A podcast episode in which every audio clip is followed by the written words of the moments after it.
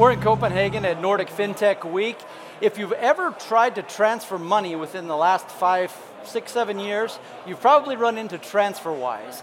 It's changed the way that money gets moved around from country to country, and now Martin Sokk here is hoping to repeat that success with the way that we invest. Martin, you were part of the team at TransferWise. You grew that exponentially. It took off. It really changed the way we think about FX and transferring money around. Um, now you're going to do the same thing with Lightyear, and there's a problem here that you're trying to address, and that is why is it so hard to invest in Europe, especially when you compare to the United States? Yeah. So that's exactly what we saw. We built TransferWise, you take all these countries around the world, you integrate them into one system, so you have really efficient way to lower the cost, make transfers faster, make it available and approachable for everybody.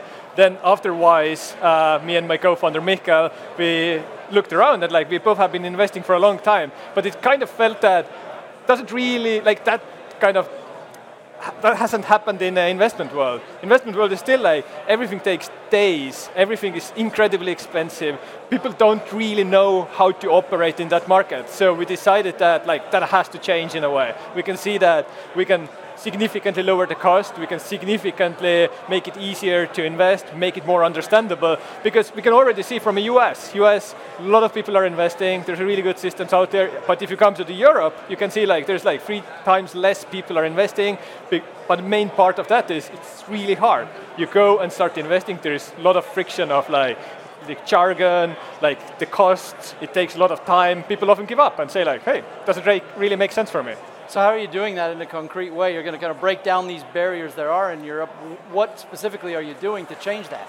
So we, we do two things. Like the first, we figure out how to technically give people access because you need to have access to global markets. Europeans invest, US market and European market. Means to, you have to have every single country's local instruments, currencies, the way people are thinking in language, culture and whatnot in a way. So you have to have that done. The second part is if, you, if you're doing that the way, then how do you understand what is the first step? Like if you're a newbie investor, you should understand that like what is the diversification of investing? And like your product should teach you that. Uh, but if you're a more experienced person you know that. You don't want to deal with that. You want to have better understanding of data and how the company is doing how your portfolio is doing maybe some technical like business accounts or whatnot. So we're focusing on first and foremost going in every single market integrating directly into the exchanges into currencies into the banking systems. So you don't have no friction to put money in buy stuff sell stuff come back.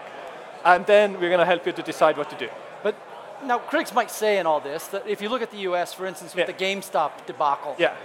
it's become too easy to invest in the US.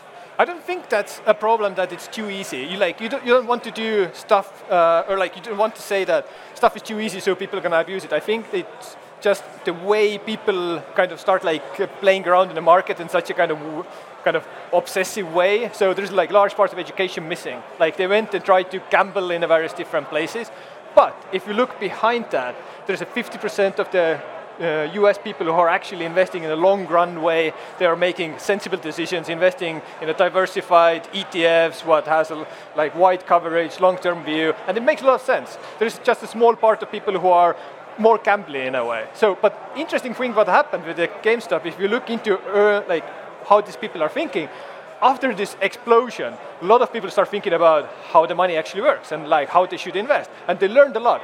So what I see right now is that people are actually got quite a bit curious and a lot of new people got maybe a little bit painful lesson at the beginning, but now they are more sensible investors. Now, if you have a model that you're going after, a company that you want to, you know, maybe uh, uh, model yourself after, yeah. is there a company like that out there? So I think Europe is this weird place. There's fractured market and not many companies around the world has managed to conquer the Europe in a way. Like you have to go every single market and understand, especially in the finance world, you need to have the local regulators, local taxes, everything around that. So I do think like TransferWise was amazing in that. I'm biased obviously, but also like Revolut has been doing a, a nice way. Uh, we have uh, people from uh, Bolt, which is a taxi ride-hailing company, and like going market after market. So they're really understanding what the market needs. So often the big problem what uh, like uh, especially US companies are doing. is like, oh, we have this amazing US product, now Europeans use that. But the problem is that like we are not US people. We have our own fears, cultures, the way we want to use it. So you have to localize this product. So like the companies what I look up for are the people who really understand that this market might be different from the other one and so on. You could build a localized product. All right, well, the company is Lightyear. Uh, Martin Sokk, you have uh, done it once with TransferWise now, and, and now Wise, as it's called now. Yeah. And uh, now we're hoping to see if you can repeat the success again, another Estonian unicorn. Good luck. Thank you.